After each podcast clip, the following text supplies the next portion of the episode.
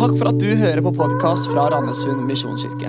Denne talen er spilt inn på en av våre gudstjenester, og vår visjon er å hjelpe mennesker til tro på Jesus og et liv med Han. Gå inn på mkirken.no eller Randesund misjonskirke på Facebook for mer info. Hytteturer med familien det har gitt meg mange gode minner opp gjennom barndommen. Men ett turminne det bringer frem alt annet enn gode assosiasjoner. På denne turen så hadde jeg og min far brukt tid til å leke med pil og bue. En pil og bue vi hadde ordna på forhånd. En pil og bue vi ikke hadde lagd sjøl. En litt mer ordentlige greier. En skikkelig pil som gjorde at det var veldig gøy å skyte på blink. For eh, pila gikk langt. Den gikk med stor kraft i denne litt ordentlige pil og bua. Og En av dagene var jeg og min søster ute og lekte. Og Jeg hadde fått streng beskjed om at når jeg lekte med pil og bue, så måtte jeg skyte på én bestemt blink, og det var bare der jeg fikk lov å bruke den. Men nå opplevde jeg såpass kontroll på skytinga mi at jeg bestemte for å tulle litt med min kjære lillesøster. Jeg spente opp bua og sikta på en stubbe litt unna der hun lekte. I den hensikt å kanskje skremme henne litt, da, når jeg traff stubben som var ved sida av henne. Selvsikkerheten og selvinnsikten til en tolvåring er jo ikke nødvendigvis sånn som man skal være alltid. Og det var han heller ikke her. Allerede idet jeg hadde spent opp bua og slapp pila, så skjønte jeg at dette var en dårlig idé.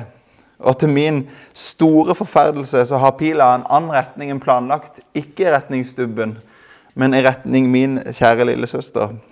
Og pila treffer min søster rett i bakhodet. Og blodet fosser fra hodet til min søster. Tross tre sting og uker med blodrød farge i håret, så gikk det heldigvis bra med min søster. Men jeg tror aldri jeg har kjent på større skyld, frykt og skamfølelse enn det jeg gjorde den dagen der. Jeg hadde skada min søster på det mest tåpeligste vis. Og smerten i mitt indre den var nesten helt utholdelig. Hvordan Barabas kjente det på innsida denne påska, der han står hos Pilatus sammen med Jesus, det sier Bibelen ingenting om. Kanskje kjente han på noe av denne smerten på innsida, skylden, skammen, for han visste at det han hadde gjort, det han var anklaga for, det var han skyldig i. Eller var han kanskje en kald, hardbarka kriminell som på ingen måte viste medfølelse eller empati for den uskyldige Jesus som sto ved hans side? At han utelukkende gleda seg og fryda seg over folkemengden som ville ha Barabas fri istedenfor Jesus. Vi er inne i en taleserie vi har kalt 'Påsken som forandret alt'. Og I denne serien skal vi se påska gjennom øynene til de som faktisk var der. De som kjente det på kroppen, de som så dette med egne øyne. Disse som fikk oppleve en påske som forandra alt for dem. Og som senere skulle forandre alt for hele verden. Og I dag skal vi se på påska fortalt gjennom øynene til Barabas. Og se hvordan påska forandra alt for han. La oss lese sammen fra Matteus kapittel 27, vers 11. Jesus ble så ført fram for landshøvdingen, og landshøvdingen spurte ham, er du jødenes konge? Du sier det, svarte Jesus. Men da overpresten og de eldste kom med sine anklager mot ham, svarte han ikke med ett ord. Da sa Pilatus til ham, hører du ikke alt de vitner mot deg? Men Jesus svarte ham ikke på noe av dette, og landshøvdingen var svært forundret. Hver høytid pleide landshøvdingen å gi fange fri den folket ønsket. På den tiden hadde de en beryktet fange som het Jesus Barabas. Pilatus spurte nå folkemengden som hadde samlet seg, hvem vil dere jeg skal gi fri, Jesus Barabas eller Jesus, den som kalles Messias? For han visste at det var av misunnelse de hadde utlevert Jesus. Mens han satt på dommersetet, sendte hans kone bud til ham og sa, ha ikke noe med denne rettferdige mannen å gjøre. Jeg har drømt så vondt i natt for hans skyld. Men overpresten og de eldste fikk overtalt folkemengden til å kreve Barabas frigitt og Jesus drept. Landshøvdingen tok igjen til orde og sa, 'Hvem av de to vil dere jeg skal gi dere fri?' Og de svarte, 'Barabas'. Hva skal jeg da gjøre med Jesus, som kalles Messias? spurte Pilatus. Og alle som en ropte, 'Han skal korsfestes'. Han spurte, 'Hva har ondt har denne mannen gjort?' Men de skrek bare enda høyere, han skal korsfestes. Da Pilatus så at ingenting nyttet, men at uroen bare økte, tok han vann, vasket hendene mens mengden så på, og sa, 'Jeg er uskyldig i denne mannens blod. Dette blir deres sak.' Og hele forsamlingen svarte, 'La blodet hans komme over oss og våre barn.' Da ga han dem Barabbas fri, men Jesus lot ham piske og overga ham til å bli korsfesta. La oss be. Herre Jesus, takk for at når vi samles til gudstjeneste, så samles vi om deg. Og det er det vi ønsker å høre fra. Takk, Herre, for ditt ord. Nå ber vi Gud om at du må tale til oss gjennom ditt ord. Takk for ditt ord skaper. Jeg har lyst til å be om at ditt ord må få lov til å skape noe nytt i våre liv, der vi er i dag. Må ordene bringe liv til våre liv og gi oss hjelp akkurat der vi er. I Jesu navn. Amen. Vi leste nå at Jesus han ble ført frem for landshøvdingen, for Pontius Pilatus. Og Her blir Jesus spurt ut om hvem han er, og han blir forhørt om de anklagene som eh, overprestene og de eldste har mot han. Og det er her, hos Pilatus, at Barabbas får se Jesus for første gang. Barabbas han var en berykta fange, men Jesus han var også berykta. Kanskje hadde Barabbas selv bak lås og slå fått med seg ryktene som spredde seg om mannen fra Nasaret. Mannen som helbredet syke, som satte mennesker fri. Mannen som enkelte holdt for å være den Messias som skulle komme. Og Nå var altså Jesus her, hos Pilatus, og folket ville ha Barabbas fri i stedet for Jesus. Det må ha vært rimelig absurd for Barabbas å stå her og høre at folket ville ha han fri. Han visste at han var skyldig. Opptøyer og mord, en berykta fange, og nå ba de om hans løtlatelse. Selv om Barabbas på ingen måte skjønte hva som var i ferd med å skje, så må han ane at i dette øyeblikket så tas det noen viktige valg. Lite visste han derimot om at valgene som nå blir tatt, ikke bare har betydning for hans egen framtid, for Jesu framtid, men for en framtid, et valg, evige konsekvenser. Det ene valget som Barabbas skimter korrekturene av, var egentlig allerede tatt. Det var det valget som Jesus tok i hagen rett før han ble tatt til fange av overprestenes vaktstyrker. Og Vi leser om Jesus som ber til sin far i hagen og sier, 'Min far, er det mulig, så la dette begeret gå meg forbi.' Men ikke som jeg vil, bare som du vil. Jesus han tok et valg. Han valgte korsets vei. Og det er den veien som fører han hit, til Pilatus og til Barabbas.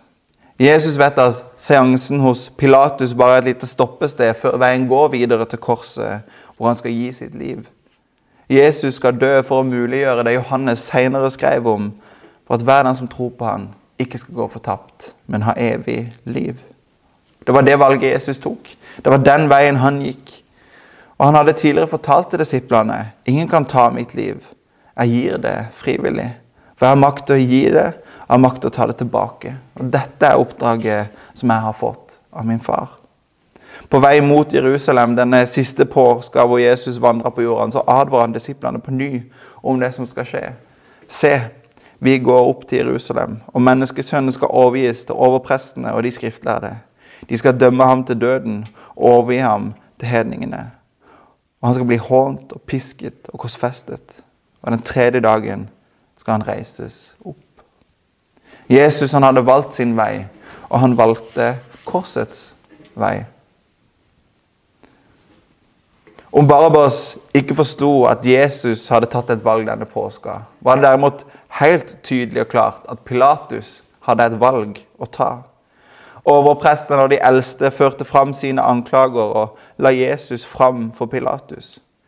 De hadde myndighet til å dømme i egne saker, men de kunne ikke gi dødsstraff. Og nå fører de Jesus fram for Pilatus i håp om en sånn dom. Pilatus han visste at det var av misunnelse at overprestene hadde ført Jesus fram. Men i stillingen som Pilatus har i det romerske riket, var det særdeles viktig å holde ro hos befolkninga. Han aner uro. Han holdt Jesus for å være skyldig, men han blir stilt opp i et hjørne med alt oppstyret, all uroen rundt denne mannen fra Nasaret. Og Pilatus må ta et valg. Hva skal jeg gjøre med denne Jesus? Pilatus han viser ikke særlig handlekraft i situasjonen, og han vil helst ikke ha noe å gjøre med Jesus i det hele tatt. Han sender først Jesus videre til kong Herodes og ber han dømme i saken. Herodes sender han derimot tilbake, og i håp om å unngå et valg som minner Pilatus om tradisjonen om å gi fri en fange i påska. Og Han drar fram den verste forbryteren han har inne, Barabas.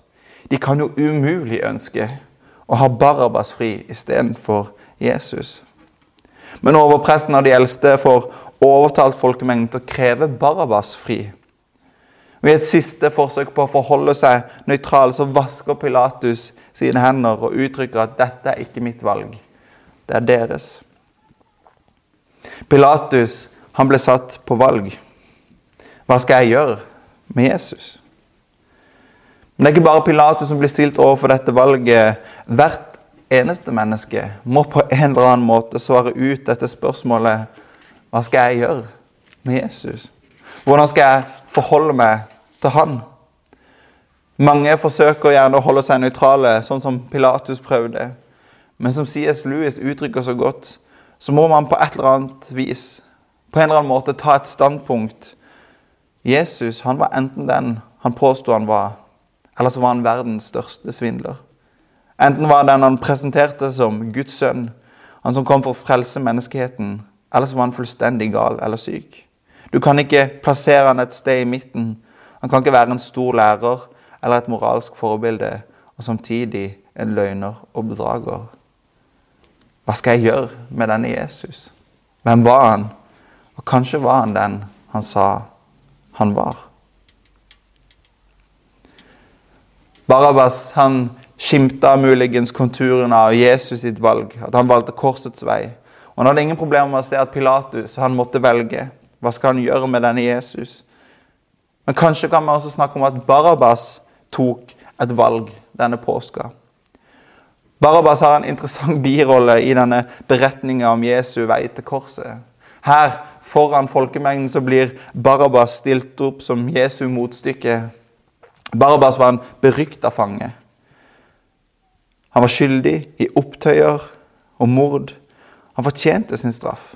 Men ved sida av han står Jesus, som ikke var skyldig i annet enn å helbrede, forsone, gjenforene, gjenopprette, sette fri, forkynne Guds rike og hans kjærlighet.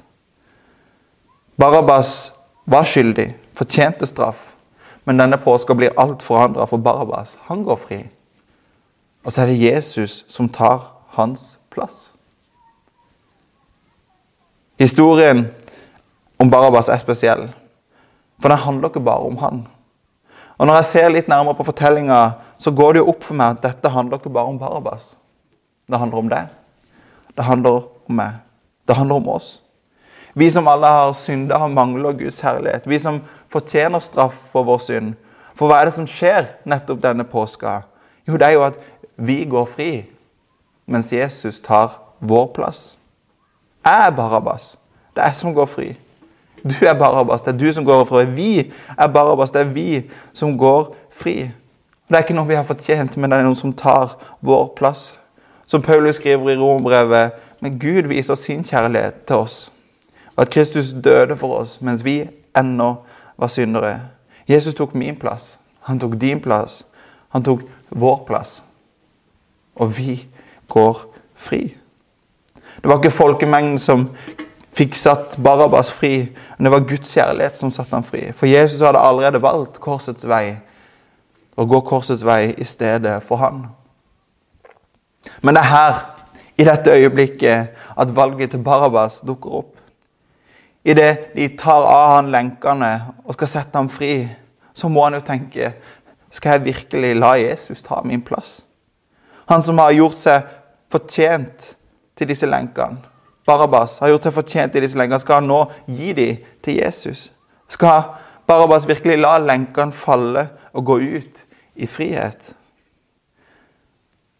Også dette er et valg, ikke bare for Barabbas, men for deg og for meg. Vil du, Jesus, la, han, vil du la Jesus ta din plass? Vil du la lenkene dine falle, og la han sette deg fri? Jeg skal være den første til å bekjenne at jeg har lett for å gjøre det motsatte.